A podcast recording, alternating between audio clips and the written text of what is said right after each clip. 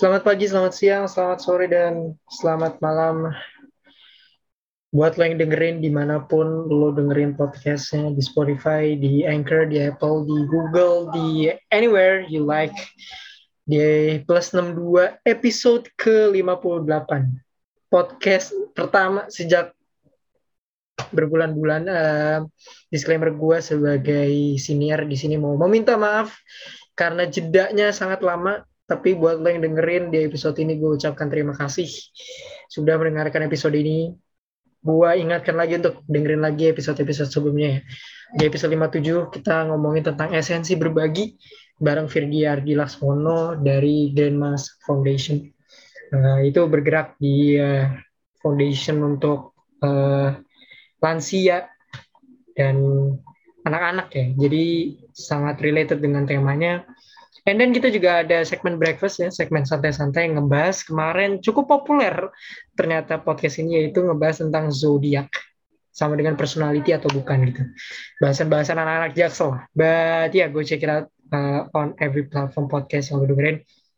Bersama gue di sini host yang dulunya tidak keterima SBMPTN, uh, Raffi Rainer.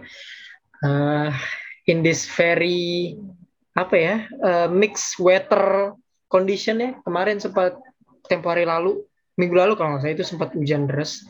Terus ada beberapa titik-titik yang banjir. Gue baca beritanya sih udah kayak berita-berita Januari ya ternyata berita-berita Juli. Jadi ini kayaknya climate change itu real ya guys. Jadi tolong untuk di uh, jaga ya iklim dan alamnya. Tapi we're not gonna talk about iklim, alam dan segala macam. Hari ini gue masih ditemani sama kos andalan gue yang udah lama banget nggak mampir di sini ada Nari di Pakbar di belahan dunia lain Harunar. Halo halo.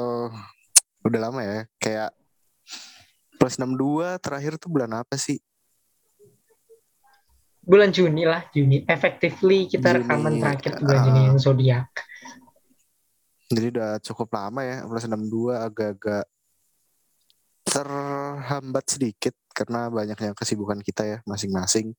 Dan ini sih topiknya juga sih yang kita bingung nih mau ngapain. Kalau berat kan gimana gitu, kalau terlalu enteng yeah, juga. Nino-nino nanti ya kan. Betul. Oke, okay, oke. Okay. Buat lo yang punya ide topik atau apa pun ya, just DM mas di Instagram at plus ID atau apa pun.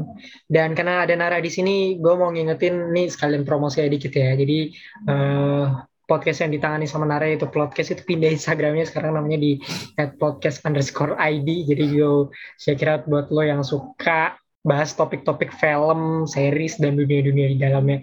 Nah, ada gue juga di situ. But di episode hari ini kita bakal ngomongin tentang SBMPTN atau seleksi masuk bersama seleksi bersama masuk perguruan tinggi nasional. Kenapa sih kita mau bahas ini?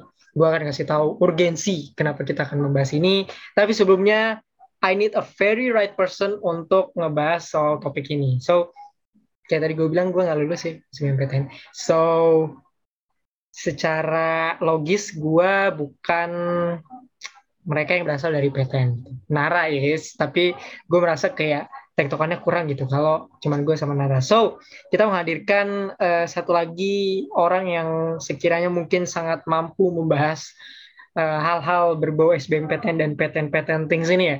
So, menemani kita, gue sama Nara hari ini, sebenarnya dia juga udah pernah ada di beberapa episode lagi ya, di mana kita membahas tentang tren-tren.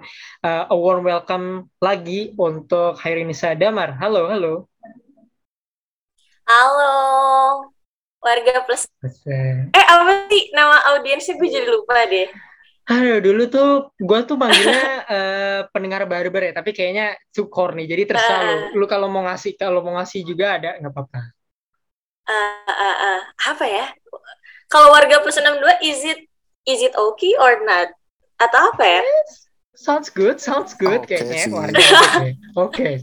Oke, oke gitu sih. Halo semuanya, kenalin tadi gue udah di present ya sama si bapak pemilik podcast ini ya. Iya kenalin gue Hairunisa Damar. Halo semuanya. Gue malu deh. Kayak nggak pernah ke sini aja baik. Kalau lo mau tahu uh, siapa itu Damar, boleh cek lagi episode yang kemarin ya. I, I think lo nggak harus ngasih tahu siapa yes, diri yes, lagi. Ya. Yeah.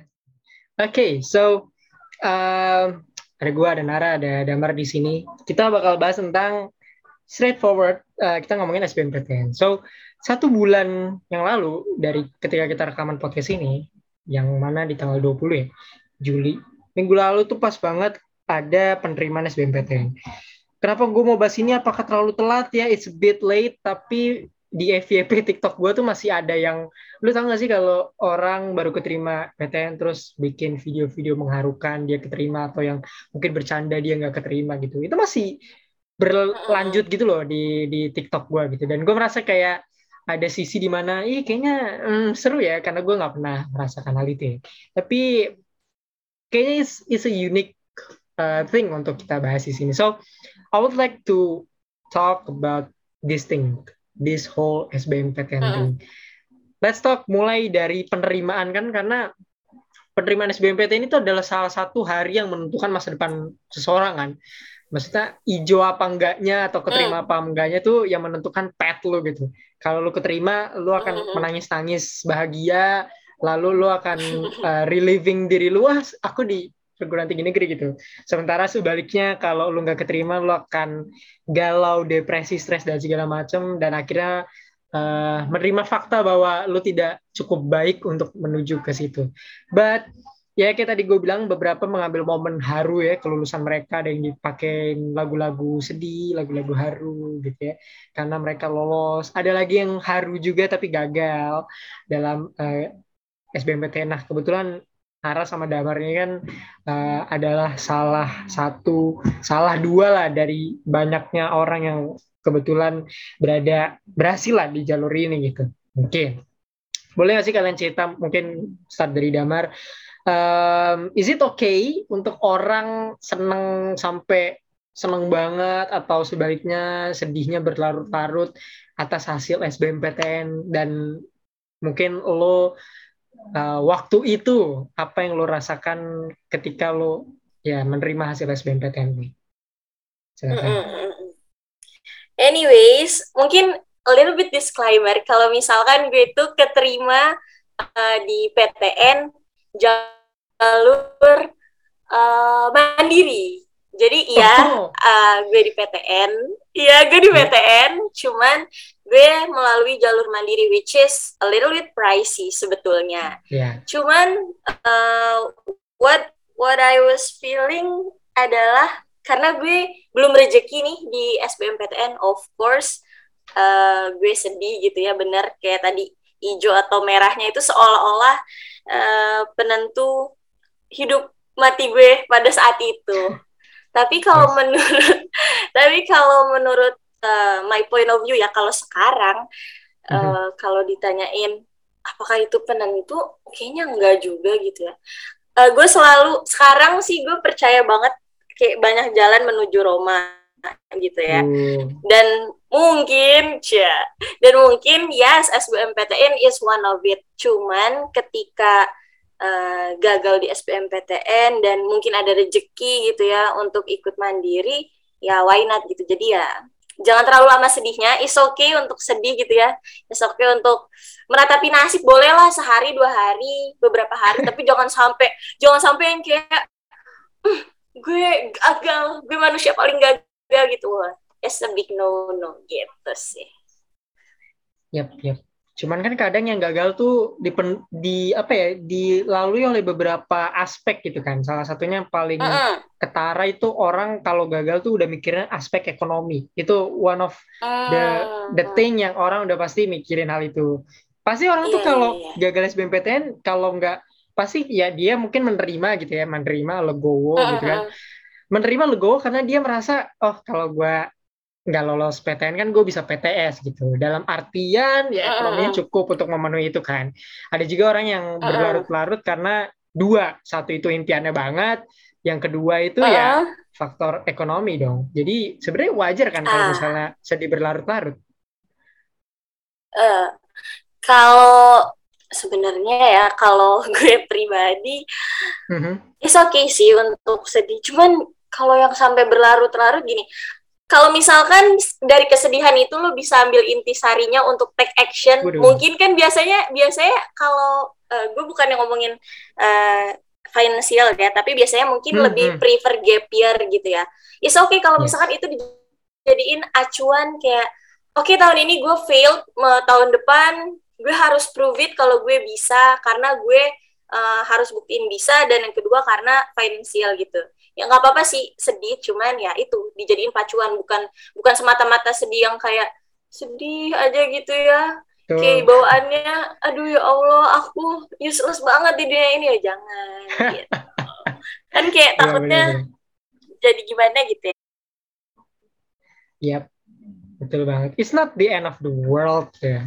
Tadi kayak in yes Damar's Word eh, banyak jalan menuju Roma lah. Kalau misalnya lo Mm-mm. emang bener-bener saklek mau PTN banget ya try again next year karena cuman itu jalannya Mm-mm. selain mandiri mungkin ya eh, yang setelah Yes. SBMPTN kalau misalnya lo nggak bisa afford you just go try again eh, next year gitu. Banyak juga kok cerita-cerita orang yang gap year terus Hmm. dia keterima juga gitu. Kayak teman gue salah satunya Mm-mm. salah satunya sekarang kuliah di salah satu PTN di Jakarta dia juga gap year dan akhirnya keterima. Is one of inspirational Mm-mm. moment sih menurut gue sebagai temannya jadi ya benar banyak jalan menuju Roma. Tidak perlu berlarut-larut. Dari Lunar mungkin. Um, what did you feel uh, di pada saat itu gitu? Dan menurut lo gimana sih kalau is it okay untuk orang seneng gembira atau mungkin sedih berlarut-larut atas hasil SBMPTN mereka masing-masing Kalau misalnya mau sedih ya nggak apa-apa gitu wajar sih. Karena ya namanya lu udah berusaha, mungkin lu capek dan segala macamnya.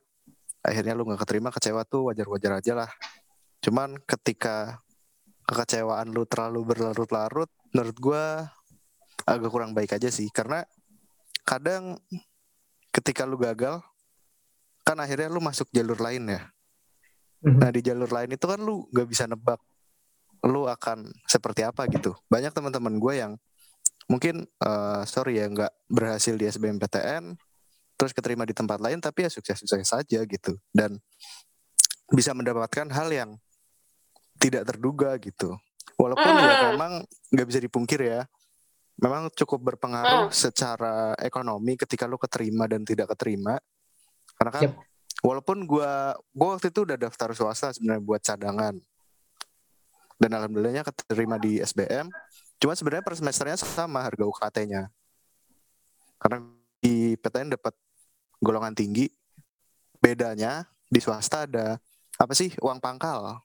Nah, uang Ya, pangkal iya uang bangunan Betul. Nah, kalau di PTN kan nggak ada. Jadi ya meringankan sedikit lah walaupun per semesternya itu persis sama persis jumlah harganya gitu. Cuman ya kembali lagi gitu. Emang meringankan lah. Dan ketika lu seneng, sebenarnya waktu 2019 tuh kan banyak orang ya keterima terus seneng nge-share gitu kan kebahagiaannya. Gue nggak sukanya beberapa orang ada yang salty gitu. oh Lu, lu inget gak sih kayak kamu jangan nge-share kayak gini. Nanti teman-temanmu yang gak keterima gimana? Maksud gue ya biarin aja lah. Kan dia lagi happy gitu ya. ah ah ah Jangan merusak kebahagiaan Iya, iya, orang iya. karena lu tidak merasakan kebahagiaan yang sama gitu loh. I see, I see. Iya, iya, iya. Gue masih inget sih itu. Tren, it, tren itu ya jatuhnya Iya, pada saat itu, itu. 2019. Nah, Iya, iya, iya. iya. Karena kan langsung ya eh, penerima eh, pembukaan SBMPTN-nya tuh misalnya dua tahun terakhir kan di rumah masing-masing kan tiga tahun terakhir lah. Eh, 2019 itu langsung gitu loh ada yang bukanya di sekolah kayak teman gue. Teman gue Hmm. keterima teman gue keterima PTN gue yang ngebukain. Coba Oh gue iya. ngebukain. Gue ngebukain. Hijau gue senang dong, gue senang dong. Maksud gue teman Iya, gue iya, keterima iya. gue nyebutin gue yang literally menyebutkan lu keterima. Ketika gue membuka diri gue sendiri sakit dong ya kan ya terima gitu. Tapi eh, it's okay for me anyways. Tapi It's okay. em, Nana tadi udah nyebutin ya kaum kaum yang salty kaum kaum yang Heji bilang eh apa gak perlu di share gitu. Pikirin dong perasaan temen kamu yang gak keterima gitu atau sebaliknya gitu. Atau yang gak keterima kan sedih-sedih dia upload. Terus ada juga yang bilang baru nggak keterima SBMPTN aja udah kayak dunia runtuh gitu ya kan mungkin pembahasannya bukan kayak gue sama Damar tadi ya, yang kita ngasih alternatif nih manjak jalan menuju Roma dan lain-lain. Ini ada orang yang kayak uh, ngeledekin orang gitu loh. Karena kan ada orang yang gak keterima SBMPTN dan lain-lain gitu. Nah, sedikit aja mungkin menurut lu gimana sih seharusnya kita menyikapi sebuah keadaan emosional gitu. Ini kan orang kalau udah seneng-seneng banget ya kan sampai kadang di beberapa mata orang kayak norak gitu kan. Ya udah gue ngerti lu keterima di UI gitu kan. Ada orang yang salty-salty gitu. Iya gue ngerti lu keterima di UI gitu. ada juga orang sebaliknya yang saltinya di selanjutnya gitu. Orang yang sedih berlarut-larut tuh sedih-sedih banget. Habis itu dia sampai menyikapi keadaan sedih itu tuh sampai berani bilang kalau lah baru nggak keterima SBMPTN aja udah kayak dunia runtuh gitu. Nah menurut sebenarnya gimana sih kita harus menyikapi sebuah keadaan emosional gitu. Kalau teman kita terima, teman kita nggak keterima, seharusnya sikap kita sebagai manusia itu sih seperti apa nih? Kalau gue sih ya kita perlu yang namanya apa sih empati ya. Empati ah. ketika orang misalnya nggak terima karena memang gimana ya kita harus melihat latar belakang orang tuh beda-beda. Kayak misal ada orang yang SBMPTN tuh pilihannya adalah dia kuliah tahun ini atau kuliah tahun depan. Iya kan? Mm -hmm. Itu yep. itu ada dan banyak gitu. Ketika lu merasa ah mereka mentalnya lemah segala macam karena lu tidak melihat latar belakang orang gitu. Yang menurut gua kadang-kadang menyebalkan gitu. Entah yang senangnya lebay atau sedihnya jadi berlarut-larut, itu kan kembali ke latar belakang orang masing-masing. Plus emang yang namanya mulut-mulut jahat terus direm sih karena yes. gue nggak ngerti apa yang terjadi di society kita bahwa orang tuh gampang banget ngatain orang gitu loh. Mental mental mental buat jadi edgy dan ngatain orang tuh parah banget. Jadi mending daripada lu salty ya ya pasti adalah orang yang nggak seneng gitu kan. Cuma lebih baik diungkapkan aja kalau misalnya lu nggak seneng dengan sikap dia yang terlalu berlarut sedih kayak mending diem daripada lu ngerusak atau memperburuk suasana aja sih. Bener sih tadi uh, apa namanya rasa rasa kita harus uh, posisiin diri kita kalau misalkan ada di posisi dia gitu. Karena hmm. back again nggak semua orang uh, apa namanya sikonnya sama kayak kita nggak semua orang. Mungkin aja nih orang yang kita anggap terlalu let's say terlalu lebay gitu ya menghadap menerima kegagalan SBMPTN ini tuh emang yang udah se effort itu terus udah se berusaha itu gitu ya. Betul. emang itu emang itu emang itu apa ya? Bukan tujuan hidup sih. Uh, emang bukan itu, rezeki. Uh, uh, gitu dia gitu. Jadi ya bener sih. Kalau misalkan dirasa kata-kata lo itu bakalan apa ya bakalan ngaruh ke ngaruh ke perasaan orang. Apalagi nih orang lagi sedih gitu ya. Lo malah ngasih sesuatu hal yang bikin kesedihan itu bukannya hilang malah kesedihan itu malah seolah diremehin kan jadi kayak hmm, ya it's not good. setuju. Gitu. Setuju setuju. Iya yeah, that's the point sih. Uh, kesedihan orang masing-masing gitu ya dalam menyikapi. Jadi ya yeah, we don't know how it is gitu kan bagaimana orang menyikapi uh, penerimaan mereka masing-masing gitu. Soal itu deh, uh, kalian setuju nggak sih kalau SBMPTN itu SBMPTN is not for everyone? SBMPTN itu nggak untuk semua orang. Menurut gue sih terlalu banyak keambiguan ya dalam SBMPTN. Contohnya, ya ini sebenarnya ini usaha orang masing-masing ya. Ada juga yang ada yang kayak Damar tadi bilang, ada yang effortnya maksimal bayar lesnya enam ratus ribu per bulan gitu ya. Belajar maksimal punya uh, belajar maksimal untuk punya kesempatan masuk PTN gitu. Ada juga yang belajar seadanya, gitu, kayak gua gitu ya belajar ya, yang kita nangkep-nangkep aja. Kadang ada kejadian banyak banget kan yang belajar maksimal, effortnya maksimum tuh nggak keterima. Gitu Terus di sisi lain, dia belajarnya seadanya, all of a sudden out of nowhere gitu bisa masuk ke PTN. So kalian setuju nggak kalau gue bilang SBMPTN is not for everyone? Karena kalian udah udah pasti ikut juga kan UTBK kemarin gitu. Start dari damar deh. Mungkin menurut lu kalau kita ngomong SBMPTN aja gitu. is is SBMPTN for everyone or not for everyone? Karena menurut gue sangat ambigu sekali. Hmm. Ya, ini kalau personal gue ya. Kalau Hmm. personal gue, gue merasa SBMPTN is not for everyone. Why? Karena SBMPTN itu there's a lot of aspek yang bisa menunjang lo lolos gitu ya. Terlepas lo mungkin tadi effort lo tadi gitu ya. Mungkin ada sisi back again rezeki-rezekian, hoki-hokian pun juga eh se- sesimpel kayak misalkan eh, gue ngelakuin SBMPTN dengan eh, PC yang yang enak, yang nyaman, terus sikon ruangannya tuh enak gitu ya, mendukung lo untuk mengerjakan eh, SBMPTN atau UTBK itu dengan enak dan juga di compare sama orang yang mungkin jaringannya susah, terus akses ke sana Hmm. susah. Jadi for me SBMPTN ya yeah, it's not for everyone gitu ya. Everyone bisa mencoba itu tapi rejeki untuk keterima melalui SBMPTN ini I think is not ya nggak semua orang ya back again sih rezeki-rezekian hoki-hokian ya terlepas Ya. tadi effort tadi gitu Ya, ada fraction of luck-nya lah ya eh, SBMPTN Hmm. gitu.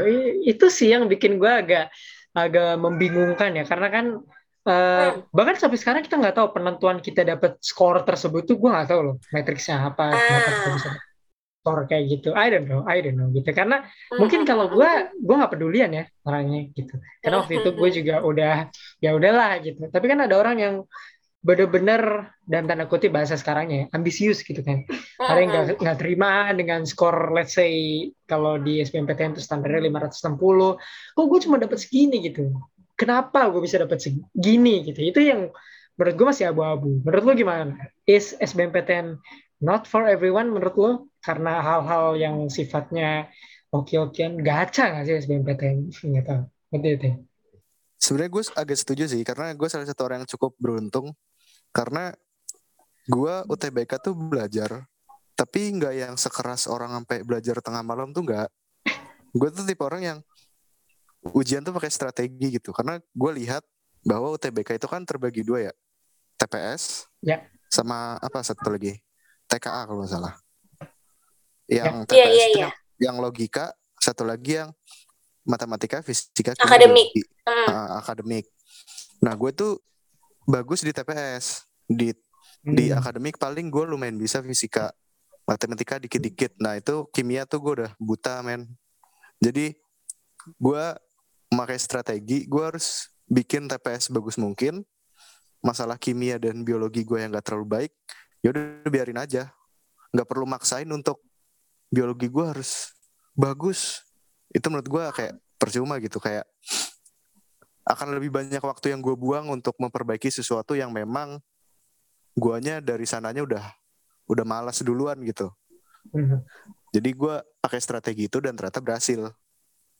Terus juga gue setuju bahwa tidak untuk semua orang karena di beberapa kejadian lu dapat tempat UTBK di mana kan lu gak bisa menentukan iya itu menentukan loh itu menentukan lu Yes, milih misalnya yes, di yes. Jakarta milih di. Jakarta tapi kebetulan tempatnya kurang oke nih Mm-mm. secara komputernya kurang oke, tempatnya Hmm. kurang nyaman, itu akan mempengaruhi Mm-mm. kenyamanan lu.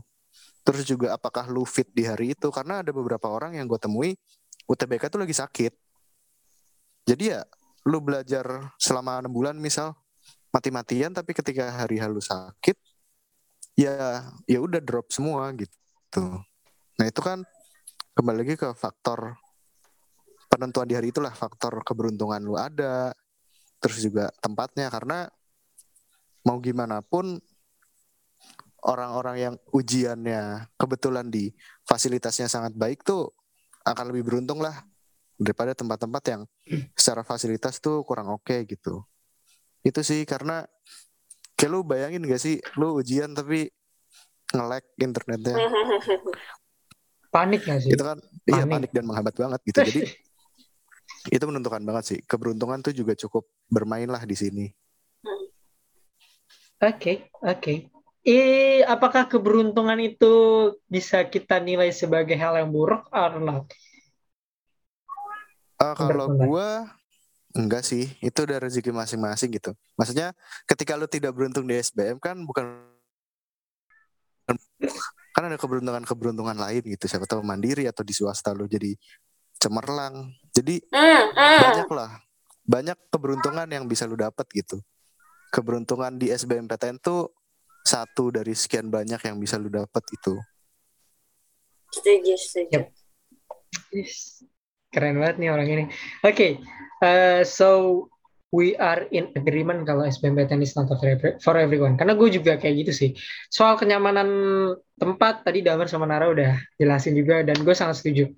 Kalian tahu gak sih gue SBMPTN di mana? Di Bekasi. Oh gue ya, tinggal di Jakarta. Selatan. Jadi uh, baru sesono super. gitu kan. Iya, eh, dan kalau gue, oh bukan kan. Jadi gue ada dua ujian gitu. Satu Hmm, gue ujian di Bekasi, which is um, cukup jauh dari rumah gue gitu. Gue harus menginap. Gue harus menginap mau tidak mau di suatu hotel di Bekasi gitu. Dan tempatnya tuh di SMA. With all due respect, eh, SMA-nya tuh ya, ya udah gitu ya kan.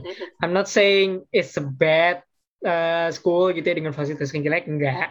Cuman I felt like gue sangat capek gitu loh dengan segala halnya gitu. Dan SBMPTN kan lama banget ya, Hmm. guys oh gitu. lama men Eh, setengah hari lama- itu bo- Iya ya. boring banget, boring banget. Jadi Empat untuk jam ya? orang sep- Atau lima jam ya? empat empat empat empat, nah empat sekitar. Tapi kan boring dong. Iya, iya, iya, ujian iya, di waktu sekolah tuh ujian dua jam aja itu kan Ah. boring. Kalau mau lu ngerti mau lu eh, enggak itu kan boring Iya, gitu iya. apalagi SBMPTN 4 jam untuk orang yang tidak niat seperti gua. Tapi ya udah gitu. Yang kedua ini yang menurut gua cukup ujian ya. Jadi waktu itu gua eh, SBMPTN di Universitas Indonesia. Eh, tempatnya asik, segala ambience udah mantep. Tapi gue puasa, Bos. Ramadan gitu. Hmm. Gue tidak gue tidak bilang puasa ada alasan gue tidak keterima SBMPTN, Iya, iya. absolutely not. Tapi ya ada faktor-faktor tertentu lah di situ. oh iya iya iya gue gue jadi baru inget gue baru inget bahwa waktu itu TBK tuh terbagi ada yang pas sebelum puasa sama pas sudah puasa ya Yes, betul Nah, banget. soalnya waktu itu gue ambil pas ujian pertama banget, hari pertama, sesi pertama, lalu gue ujian tuh. Gue biar gak pas bulan puasa, kalau nggak salah ya. Gue lupa-lupa inget. Dan gue juga sama kayak lu, gue gue waktu itu ujiannya di Jakarta, karena di Tangerang, di Tangerang ada nggak sih, Mar? Kayaknya nggak ada deh. Ada, ada. Banten ya? kan kenanya. Heeh, jatuhnya ke Banten yang ke sana ke sana bukan Tangerang. Ah, kalau nggak lu kelempar Jauh. Iya. Nah, gue pilih yang Jakarta deh, karena lebih dekat ke Jakarta kan kalau dari Tangerang. Ya, Gua juga- Aksesnya juga ya. Betul. Cuma kebetulan gue gue pikir bakalan deket nih, ternyata Jakarta jauh. Terus ya gue juga menginap gitu dan untungnya di ujian pertama gue tempatnya oke. Nah yang di ujian kedua tuh gue merasa kurang lah, makanya pas di ujian kedua nilainya nggak terlalu bagus gitu. Ah. Hmm. Alasan ya? Enggak. Dari lu udah eh, dari dari dari lu udah lu waktu Hmm. UTBK beberapa tahun lalu itu bisa Hmm. Ada nggak obstacle-obstacle yang juga lu rasain mungkin teman-teman yang denger juga wah ini relate ternyata nggak cuman gue di dunia ini yang merasa eh, tempat UTBK tuh menentukan segalanya Hmm. lu juga ada obstacle-obstacle kayak kita nggak sih Mm-mm. Iya sih. Gue tadi kan faktor eh, lokasi yang kebetulan di daerah gue gitu ya di Tangerang itu nggak ada opsinya. Jadi eh, lo harus prefer ke Jakarta gitu ya, let's say ke Jakarta atau ke Banten yang emang beneran Banten gitu kan. Eh, so eh, di karena angkatan kita 2019 itu dua kali gelombang. Di gelombang pertama gue eh, prefer ke Jakarta dan sama gue dapet lokasi di sekolah di salah satu sekolah SMA di Jakarta. Cuman ya itu tadi PR-nya sama juga harus cari hotel. Itu gue inget banget sekeluarga gue nganterin gue untuk UTBK doang dan which is kan gue anak pertama ya. Jadi excitement yes excitement orang tua gue yang kayak anak pertama kita ujian masuk perguruan tinggi ayo kita antar gitu itu itu itu itu kayak itu itu berkesan tapi di lain sisi gue juga yang kayak oh, oke gitu tempatnya. Oke yang gelombang dua sama kayak Nardip. Gue prefer ke Banten yang beneran Banten nih. Dan dapat uh, apa ya dapat PC-nya dapat ruangannya yang kurang. Jadi ya di gelombang hmm. itu gue juga sama skor gue turun. Tapi ya ya udahlah ya gitu. Kan kita nggak bisa request gitu ya kayak saya maunya MacBook saya maunya speed internetnya yang ini saya maunya uh, kursinya yang sofa ya saya nggak mau ya kursi plastik gak gitu bisa. kan kita nggak bisa ya kayak bisa ya udah gitu. udah sesuai dari panitia sononya gitu mm -mm. kalau kursinya kursi gaming gitu mm -mm. kan uh, terus di belahan dunia lain tuh kursinya kursi restoran Padang kan itu kenyamanannya masing-masing iya. gitu jadi sulit gitu gue waktu pas di UI itu kan puasa kan mm. dan itu namanya UI luas ya. Gue kan agak culture shock gitu yeah. kan pertama kali ke PTN gede gitu kan. Gue salah di salah turun gitu di suatu fakultas. Harusnya gue di fakultas A tapi gue turun di fakultas B. Gue jalan dong. Mm. puasa jam 7 panas-panas itu gue jalan. Makanya gue gak tau sih skor gue ya karena gue tuh udah uh, don't give a fuck moment gitu. Jadi gue kayak ya udah gitu. Kayaknya lebih lebih ini deh lebih rendah dikit tapi nggak tahu. So uh, buat lo yang juga punya obstacle obstacle kayak gitu kalian juga boleh ceritainnya di instagram kita at 2 id um, let's move on ke uh, uh, uh, ya tadi. Saking gak bisa untuk semua orang kayak yang tadi kita setujuin itu is not for everyone. Uh, banyak orang yang berusaha untuk bikin itu made for everyone gitu. At least for him atau her gitu atau apa pun uh, banyak yang ya ada teknik-teknik tertentu. Kalau tadi Nara kan strategi. Menurut gue itu nggak curang sih. Itu kan karena orang setiap ujian pasti berstrategi dari dulu sampai sekarang lu kuliah sampai nanti lu kerja. Uh, everyone has their own strategi untuk mencapai tujuannya lah.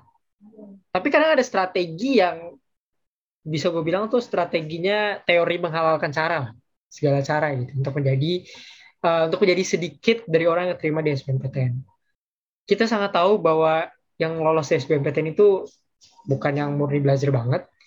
Uh, ada juga yang nggak murni hoki banget, hokinya dia bikin sendiri gitu, datang ke dia sendiri gitu. Uh, curang, cheating, nyontek dan segala macam ternyata juga ada di sini. Gue tuh cukup terkejut ketika berita ini surfacing di tahun ini. Dan setelah gue tanya teman-teman gue, apakah ini baru terjadi tahun ini? Ternyata enggak gitu. Gue waktu itu waktu SBMPTN tuh gue nggak pernah tuh ngeliat gue nggak ngeliat tuh orang ada itikat nyontek tuh enggak apalagi gue kan. Gue tuh SBMPTN kedua tidur men. Gila kan uh, saking ngantuknya pagi-pagi kan. Tapi ada juga orang-orang yang ternyata bisa nyontek bisa curang dari melakukan hal ini gitu SBMPTN atau UTBK lah kita ngomongnya. Ternyata ini bukan hal baru gitu. Nah tahun ini ada dapat corengan buruk lah. Ada skandal gitu. Skandal nyontek. Jelek banget ya skandal nyontek gitu. Uh, jadi di akun Twitter at caneca 022 itu di spill lah bahasanya bahasa di Twitter ternyata OTBK tahun ini tuh penuh dengan kecurangan. Ada bocor sebuah folder G Drive isinya tuh ya foto-foto hasil UTBK gitulah.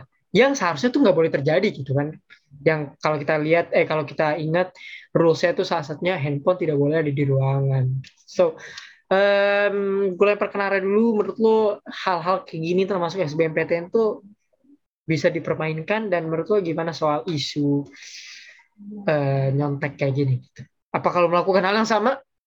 Jujur waktu ujian-ujian besar tuh gue nggak berani nyontek men. Karena tuh kayak udah lo nyontek sekali kena kan ya udah selesai ya maksudnya usaha lu jadi nggak ada artinya gitu. Mending lu ngerjain sebaik mungkin aja lah apa pun hasilnya.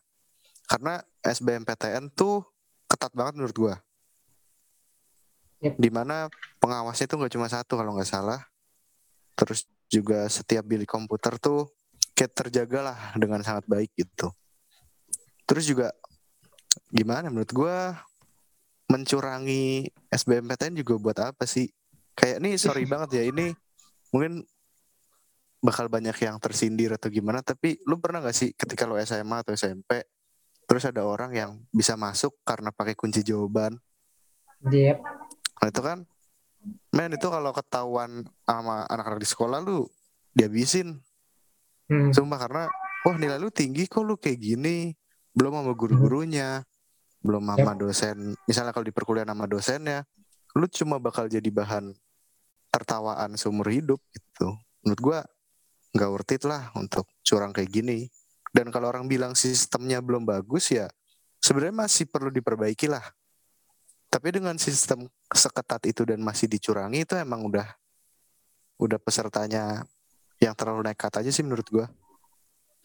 Oke. karena kan kena ya maksud gua ketika lu nge-capture sebuah eh layar monitor ya itu kan ada foto dan nama lu ya di samping soal ujian tuh. Itu kan kalau ke foto kan ketahuan dong identitas lu. Jadi ketika lu membocorkan sebuah soal ujian ya otomatis identitas lu ketahuan semua lah.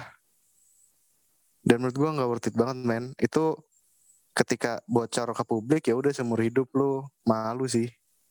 Kayak image image apa ya? Jangka panjangnya udah apa ya? Udah Reputasinya Udah kenal hancur gitu iya ya. reputasinya Terkenal. udah wah udah susah Tamat, susah tamat. untuk iya iya iya iya I see Betul. Jejak digital itu kan selalu mengikuti gitu. Gue kaget gitu. Maksudnya tidak satu uh, nyontek SBMPTN menurut gue cukup aneh ya gitu. Walaupun dulu gue nyontek, tapi bukan SBMPTN betul, uh, yang SMA dan lain-lain. Tapi kayak kata Nara gitu, kayak ujian-ujian besar kayak UAS, uh, the apa pun itu ya, termasuk di UTBK ini itu feel atau adrenalin nyontek lu tuh nggak nggak sampai kepikiran menurut gue ya nggak sampai kepikiran gitu. Tapi ada orang yang melakukan itu dan kedua nggak bersih banget itu jelek gitu. Tapi kalau lu gimana damar? Lu ada eh, ada any, thoughts tentang em, UTBK yang kemarin bocor? Karena cukup besar banget kemarin di Twitter. Gue nggak tahu ya di Instagram sempat dibahas banyak apa enggak. Gue nggak dapat banyak tapi di Twitter tuh sempat rame banget. Ternyata UTBK tuh ada yang bilang ada yang bilang ada beberapa kubu ya, ada yang kubu menyala-nyalakan, ada kubu yang ya elah gitu. Eh, kok ketahuan gitu. Hmm. Eh, menurut lo soal insiden kemarin itu gimana? Hmm. Kalau gue ngikutinnya di platform lain ya, bukan di Twitter. Di platform yang satunya lagi. Kalau nggak salah juga eh, yang yang nyebarin ini tuh, ya maksudnya yang yang nge-share-nya ini tuh, dia tuh sebenarnya anak pinter gitu loh. Setahu gue, Hmm. setahu gue. Jadi dia eh, pokoknya anak pinter. Terus kipe nggak nyangka gitulah.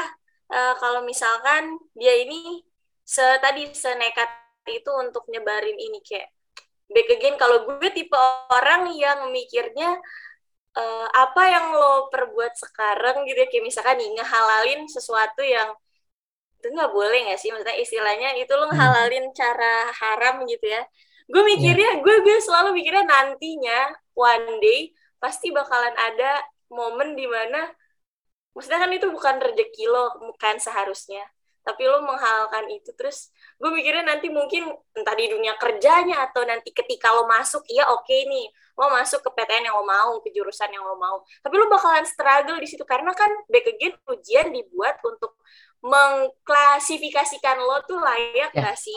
Di situ ya nggak sih di ba- kayak gue mikirnya nantinya gitu ya jangka panjangnya ketika lo udah masuk kayak will you gonna survive there? Terus kayak True. ya gitu deh gitu. Gue gue lebih gue sih sebenarnya mikirnya ke situ. Gue bukan gue bukan tipe orang yang cuman pengen lulusnya doang tapi gue mikirnya kayak lo bisa nggak survive di situ? Lo bisa nggak berkembang di situ? Terus kayak iya pasti suatu saat menurut gue pasti bakalan ada titik balik di mana lo eh, mencurangi hal tersebut gitu. Gue takutnya di situ sih. Gue bukan masalah ya gue berani-berani aja kalau misalkan istilahnya nyontek gitu ya gue berani. Tapi gue takut let's say karmanya kali ya. Gue takut. Iya, gitu sih. itu kena batunya gitu kan. Hmm, betul. Nah, tiba-tiba lulusnya eh, dimain-mainin gitu kan sama universitasnya, Hmm. who knows gitu kan. Iya, we, we never know. Kayak ya nggak bisa dipungkiri lah kita pasti pernah nyontek-nyontek kayak zaman-zaman Iya. sekolah SMP gitu. Nah, ketika lu nyontek kan pasti lu berharap nilai lu nggak jelek, tapi nggak bagus banget kan? Karena Hmm. lu takut ketika nilainya bagus banget, lu kan dites secara real gitu. Terus lu nggak bisa ngapa-ngapain gitu karena lu nyontek. Iya kan? Ketika lu lakukan ini di sesuatu yang menentukan kehidupan lu, bisa jadi setelah lu masuk karena kecurangan, lu malah nggak survive di situ. Kayak bener kata kayak kata Damar tadi gitu, bahwa Hmm, hmm, hmm. apa ya lu masuk dengan cara curang tuh jadi bahan bulian men kalau lu nggak bisa survive tuh betul Cuma, kita harus berterima kasih sih sebenarnya kepada anak pinter. Dulu tuh anak pinter uh, kalau di sekolah tuh uh, dua sih. Dia antara ditemenin karena dia sangat baik dan murah hati. Dia yang kedua dia nggak ditemenin karena dia ambis, pelit dan cepu gitu. Pada akhirnya si ambis, pelit dan cepu ini yang menyelamatkan kita. Karena gue rasa ya indeed is true kalau kita nggak boleh membudayakan hal, hal seperti ini kan. Uh, ini tuh udah udah gue rasa hal ini nggak dibawa nggak dibawa sejak barusan gitu udah udah dari lama si si hal si orang-orang yang melakukan ini ya uh, nyebar link-link G-Drive via Telegram ini udah melakukan hal-hal ini sejak lama gitu. Mungkin dulunya dia di SMA uh, jalannya tuh nyebar di grup ya, grup WA, grup lain gitu. Terus dia mencari cara gimana gue bisa melakukan ini di uh, SPMPTN gitu. So ya harus ada adjustment lagi mungkin dari uh, dari merekanya gitu, dari panitianya juga. Maksudnya masukin handphone tuh menurut gua itu udah udah aneh aja sih dia bisa motoin di situ ya. Apalagi pakai joki men. Yang gue bingung tuh itu sih. Kalian mm, mm, tahu mm. gak sih kalau ada yang ngerjain SBMPTN pakai joki? Berarti kan yang ngerjain yang ngerjain itu uh, bukan dia dong. Yeah. Tapi kenapa dia bisa masuk gitu? Gue gue nggak tahu uh, mekanismenya ya kenapa misalnya gua uh. gua ngejokin damar gitu kan. Jelas-jelas damar kan cewek gitu. Gue masuk cowok, gue tuh nggak yeah, nggak yeah, habis pikir yeah. gitu. Kenapa kenapa bisa? Apakah udah kong kong kali kong sama uh, panitianya atau gimana? Gue nggak tahu sih. Jadi agak nggak masuk akal sih di kalau kalian bisa ngasih at least satu dua hal atau uh, apa ya masukan-masukan soal SBMPTN yang tadi udah kita omongin mulai dari uh, apa fasilitasnya tadi itu omongin jalur masuknya penerimaannya sampai hal-hal kayak gini menurut kalian apa sih yang harus dibenahi secara garis besar aja deh dari SBMPTN yes ya ada suatu kebijakan atau suatu hal yang sempurna tapi kalau kalian bisa memperbaiki hal dari SBMPTN yang menurut gue banyak flaws-nya ya banyak banget flaws dari SBMPTN karena kan gue rasa ini adalah hal yang utama gitu yang digunakan untuk orang lulus ke kuliah gitu kan. Yang paling EZ lah. Kalau SNMPTN kan notabene anak-anak pinter ya. Dan kadang-kadang mengunggulkan sekolah-sekolah unggulan gitu. Lu pernah tahu gak sih satu sekolah yang dapat SNMPTN tuh satu angkatan kali ada gitu. Menurut gue itu kayak ah, nggak make sense gitu kan. Terus kalau mandiri, lu harus financially better gitu lah.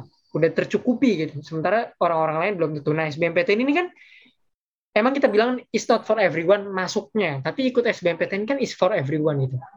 Menurut kalian uh, apa sih yang harus dibenahi di SBMPTN ini? Start starting from dapur mungkin. Apa menurut lo yang harus dibenahi in order untuk SBMPTN itu jadi jalur yang nyaman lah untuk orang mengikuti in order mereka bisa lolos ke perguruan tinggi negeri yang mereka idam-idamkan uh, ini ini gue maksudnya gue ngasih saran kah atau kalau misalkan gue jadi seorang yang bisa ngasih kebijakan atau gimana? Anggap lu bisa ngasih kebijakan oh, deh. Okay, Jadi kan berarti lu punya kekuasaan penuh dong ah, untuk ah, melakukan itu. Okay. Anggap lu orang yang punya orang di belakang SBMPTN hmm. itu yang bisa ngatur-ngatur. Yeah. If I were if I were jadi orang eh, yang bisa ngasih kebijakan, mungkin gue akan menyarankan uh, apa ya? bukan cuman tes tertulis pada saat itu karena tadi back again yang kita udah omongin bisa aja nih orang udah belajar gitu ya enam bulan berbulan-bulan terus ketika SBMPTN lagi nggak fit. Gue tuh lebih suka misalkan bisa combine gitu ya. Mungkin pertama dari nilai rapot combine sama nilai SBMPTN dan yang terakhir menurut gue essay. Karena menurut gue nulis essay itu juga uh, penting gitu ya motiv bukan yeah. motivasi ya motivasi atau latar belakang lo kenapa mau masuk tuh PTN mau masuk tuh prodi juga penting untuk ditelisik gitu ya bukan cuman sekedar gede-gedean skor kalau misalkan gue bisa bikin kebijakan itu I will gonna say ngekombinasiin tiga tiga step itu untuk tahulah apa nilai tengah ini ini orang layak apa enggak kalau gue bisa punya kebijakan ya gitu kalau gue Hmm, interesting. Karena jawaban Isa itu harusnya lebih bervariasi ya. Setiap orang gitu kan. Hmm. Kalau misalnya Ya. kayak SBMPTN UTBK tuh pasti ada yang sama-sama lah gitu kan. Kemungkinan untuk nyonteknya Mm-mm. gede gitu. Kalau esai itu Iya. masing-masing gitu kan. Entah itu nulis atau ngetik ya. Tapi kan itu masing-masing dari perspektif orang gitu kan. Personal. dituntut Iya. untuk untuk some, somehow mungkin critical thinking lu tuh Nah, diasah gitu kan. Di iya iya esai. iya. gitu. Itu dia. True that, true that. Eh, gue setuju sih sama itu. Ah, dari lu, Nar. Apa yang akan lu rubah dari SBMPTN? Kalau gue sih pemerataan fasilitasnya dulu ya.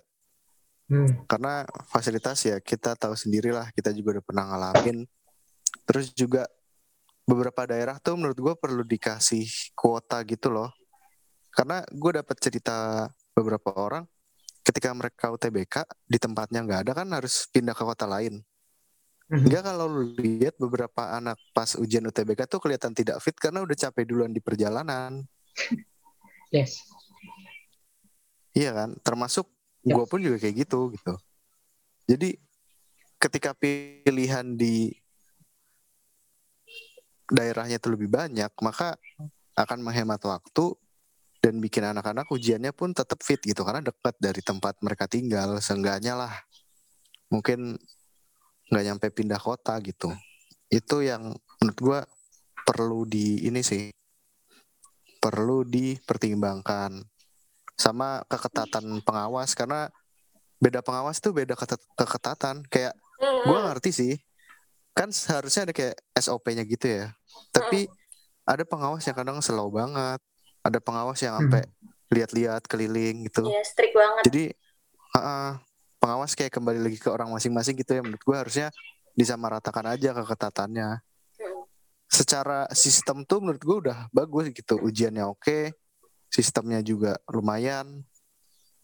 Walaupun masih perlu diperbaiki lah sedikit-sedikit. Cuman itu sih tadi pemerataan itu yang menurut gue cukup mengganggu. Karena kasihan men kalau lihat ada orang buat UTBK aja dia sampai kayak naik bis atau kereta pindah kota terus cari penginapan dan ujian selama satu hari habis itu pulang lagi itu kayak gila juga nih perjuangannya. Betul, betul.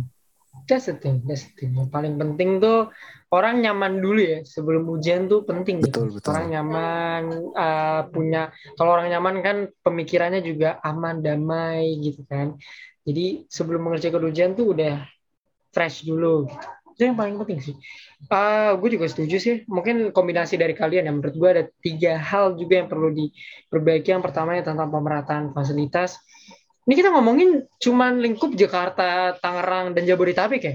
Ini kita belum ngomongin orang-orang siswa-siswa yang juga mengalami hal sama di across Pulau Jawa, Kalimantan, Sumatera, dan segala macam. Apakah Hmm. mereka juga mengalami hal ini? Mereka harus jauh pindah ke provinsi, antar provinsi hanya untuk mengerjakan, gue nggak bisa bilang hanya ya, ini kan untuk masa depan gitu. Tapi mengerjakan sebuah tes selama 4 jam gitu. Haruskah mereka melakukan itu? Maksud gue, kalau emang lingkupnya satu kota ya disebarkan juga di satu kota yang sama lah, at least satu provinsi yang sama menurut gue uh, make sense gitu daripada orang-orang tuh harus pindah ke kota-kota yang teman gue waktu itu tahun kemarin adiknya itu ujian di Serang dan dia harus ke Serang dulu dari Tangerang ke Serang kan jauh ya walaupun satu provinsi gitu jadi menurut gue itu yang harus dipikirkan juga ya pemerataan atau persebaran kota masing-masing itu jangan juga menyusahkan untuk siswa-siswanya gitu. Sama model ujiannya sih menurut gue yang seharusnya gue gak tahu mekanisme yang tepat mungkin Damar jadi bilang esai tapi setelah gue pikir-pikir mungkin ada flows-nya juga eh, nggak uh, ada standarisasi orang bener atau salahnya itu bisa dipikirkan lagi. Tapi menurut gue yang mengasah gimana caranya mengasah critical thinking dan uh, cara berpikir logis gitu ya. Menyampaikan pendapat itu yang paling penting. Karena menurut gue ini nggak tahu unpopular opinion apa enggak tapi tes tes di SBMPTN itu kayak nggak kepake gitu loh. Habis kita selesai tes. Di guys. Kayak menurut gue nggak kepake gitu loh. Bahkan bahkan kita nggak mempelajari tes ini di sekolah. Ya. kita nggak mempelajari tes ini di sekolah gitu. Beberapanya iya beberapanya iya. Tapi di sekolah tuh kalian nggak diajarin kan untuk gimana caranya ujian tes SBMPTN ini. Kita cuman belajar base on les dan buku gitu. Kita nggak diajarin di sekolah ngerjain tes SBMPTN ini kita nggak diajarin di sekolah gitu. Kita kita Betul, diajarin betul. mekanisme untuk untuk menggunakan teknisnya teknologi dan segala macam itu diajarin di sekolah. Tapi kita ngetes kayak gini kan cuma ada di SBMPTN gitu. Tryout iya ada tapi kita nggak diajarin kayak gitu di sekolah gitu. Jadi kita nggak ada yang berulang-ulang gitu loh. Jadi kita nggak masuk gitu. Jadi menurut gua eh, ada mekanisme tes yang harus diubah sih menurut gua ada hal-hal yang harus diubah tapi gua masih belum bisa memberitahu apa itu dan bagaimana. Mungkin gue setuju dengan Damar soal esai itu bisa mengubah pola pikir orang. Cuman mungkin menurut gue masih ada flaws. Nah makanya itu menurut gue yang poin ketiga ini. Harus ada transparansi sih menurut gue transparansi kenapa kita bisa dapat nilai segini-segini gitu loh. Karena menurut gue gue cukup bingung kenapa gue bisa dapat 560 gue dapat 580 kalau dulu kan kita ujian di sekolah kan kita tahu nih kenapa kita bisa dapat 90 gitu. Ya ya ya bahkan menurut gue di di di di de- di ranah perkuliahan gue bisa tahu kenapa gue dapet B plus lah atau gue dapet A A minus. Gue tahu kenapa gue bisa dapet kayak gitu. Tapi menurut gue SBMPTN itu kita nggak tahu kenapa kita bisa dapet nilai segitu gitu. I don't know. Mungkin cuman gue yang merasakan atau enggak. Cuman gue rasanya kalau nggak keterima itu kita nggak tahu kenapa kita nggak keterima ngerti ya Mm. those measurement atau penilaian itu yang menurut gue masih abu-abu. Kenapa misalnya let's say eh, gue bisa lolos SBMPTN tanpa perlu berusaha banyak dan Damar nggak lolos padahal dia udah punya putting a lot of effort gitu kan. Hmm. Menurut gue itu agak kurang adil untuk beberapa orang. Itu sih mungkin. Cuman kan kalau kita ngomongin hypothetical situation kan nggak selesai-selesai kan. So yeah I think those things yang bisa kita kasih ya soal tadi Damar proposing esai gitu kali ya. Eh, Nara juga bagaimana pengawas itu juga sangat penting ya. Dari dulu kita selalu dikasih tahu pengawas juga menentukan ujian hasil akhir itu bener adanya gitu ya. SOP dari SBMPTN dan panitia-panitianya itu harus disamaratakan sih di seluruh Indonesia gitu yang paling penting. Uh, there's a quite long topics ya tentang SBMPTN kalian eh, Damar mungkin lo ada satu dua hal yang pengen disampaikan sebelum kita ending eh, podcast ini tentang SBMPTN dan PTN secara keseluruhan mungkin. Hmm, mungkin buat nih warga plus 62 yang lagi dengerin gitu ya. Cie. Gue mungkin gue nggak mau so bijak tapi ya kalau gue pribadi kalau misalkan kalian nemu podcast ini ketika kalian lagi eh, lagi gagal SBMPTN, I just want to say that eh, semangat is okay kalau misalkan sedih ya.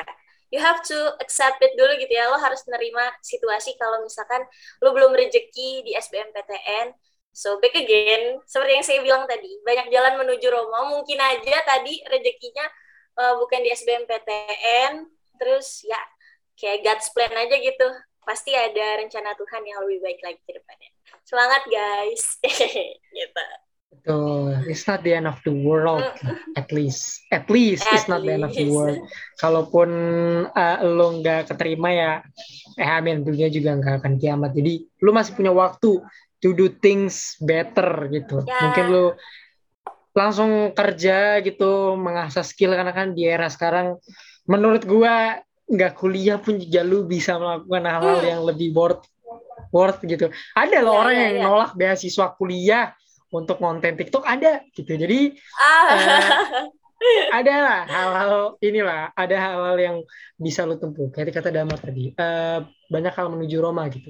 Ya rezeki mah ada aja lah jalannya mah mau lewat SBM kek mau mandiri mau swasta tiap orang kan punya jalannya masing-masing banyaklah jalannya nggak perlu bersedih karena lu nggak keterima di satu jalur gitu ada jalur-jalur lain yang mungkin malah itu jadi jalur terbaik buat lu gitu SBMPTN memang tidak untuk semuanya, tapi itu SBMPTN itu untuk orang-orang yang berhasil memanfaatkan strateginya dengan baik untuk berhasil mendapatkan hasil-hasil yang mereka inginkan. So, that's all from episode ke-58 ini. Um, gua mau makasih ke Damar sekali lagi yang udah mau mampir ya di episode ini. Mudah-mudahan it's not the last that I uh, invite you ke sini karena Gue yakin Thank masih you. banyak hal-hal yang bisa dibahas oleh Damar di sini.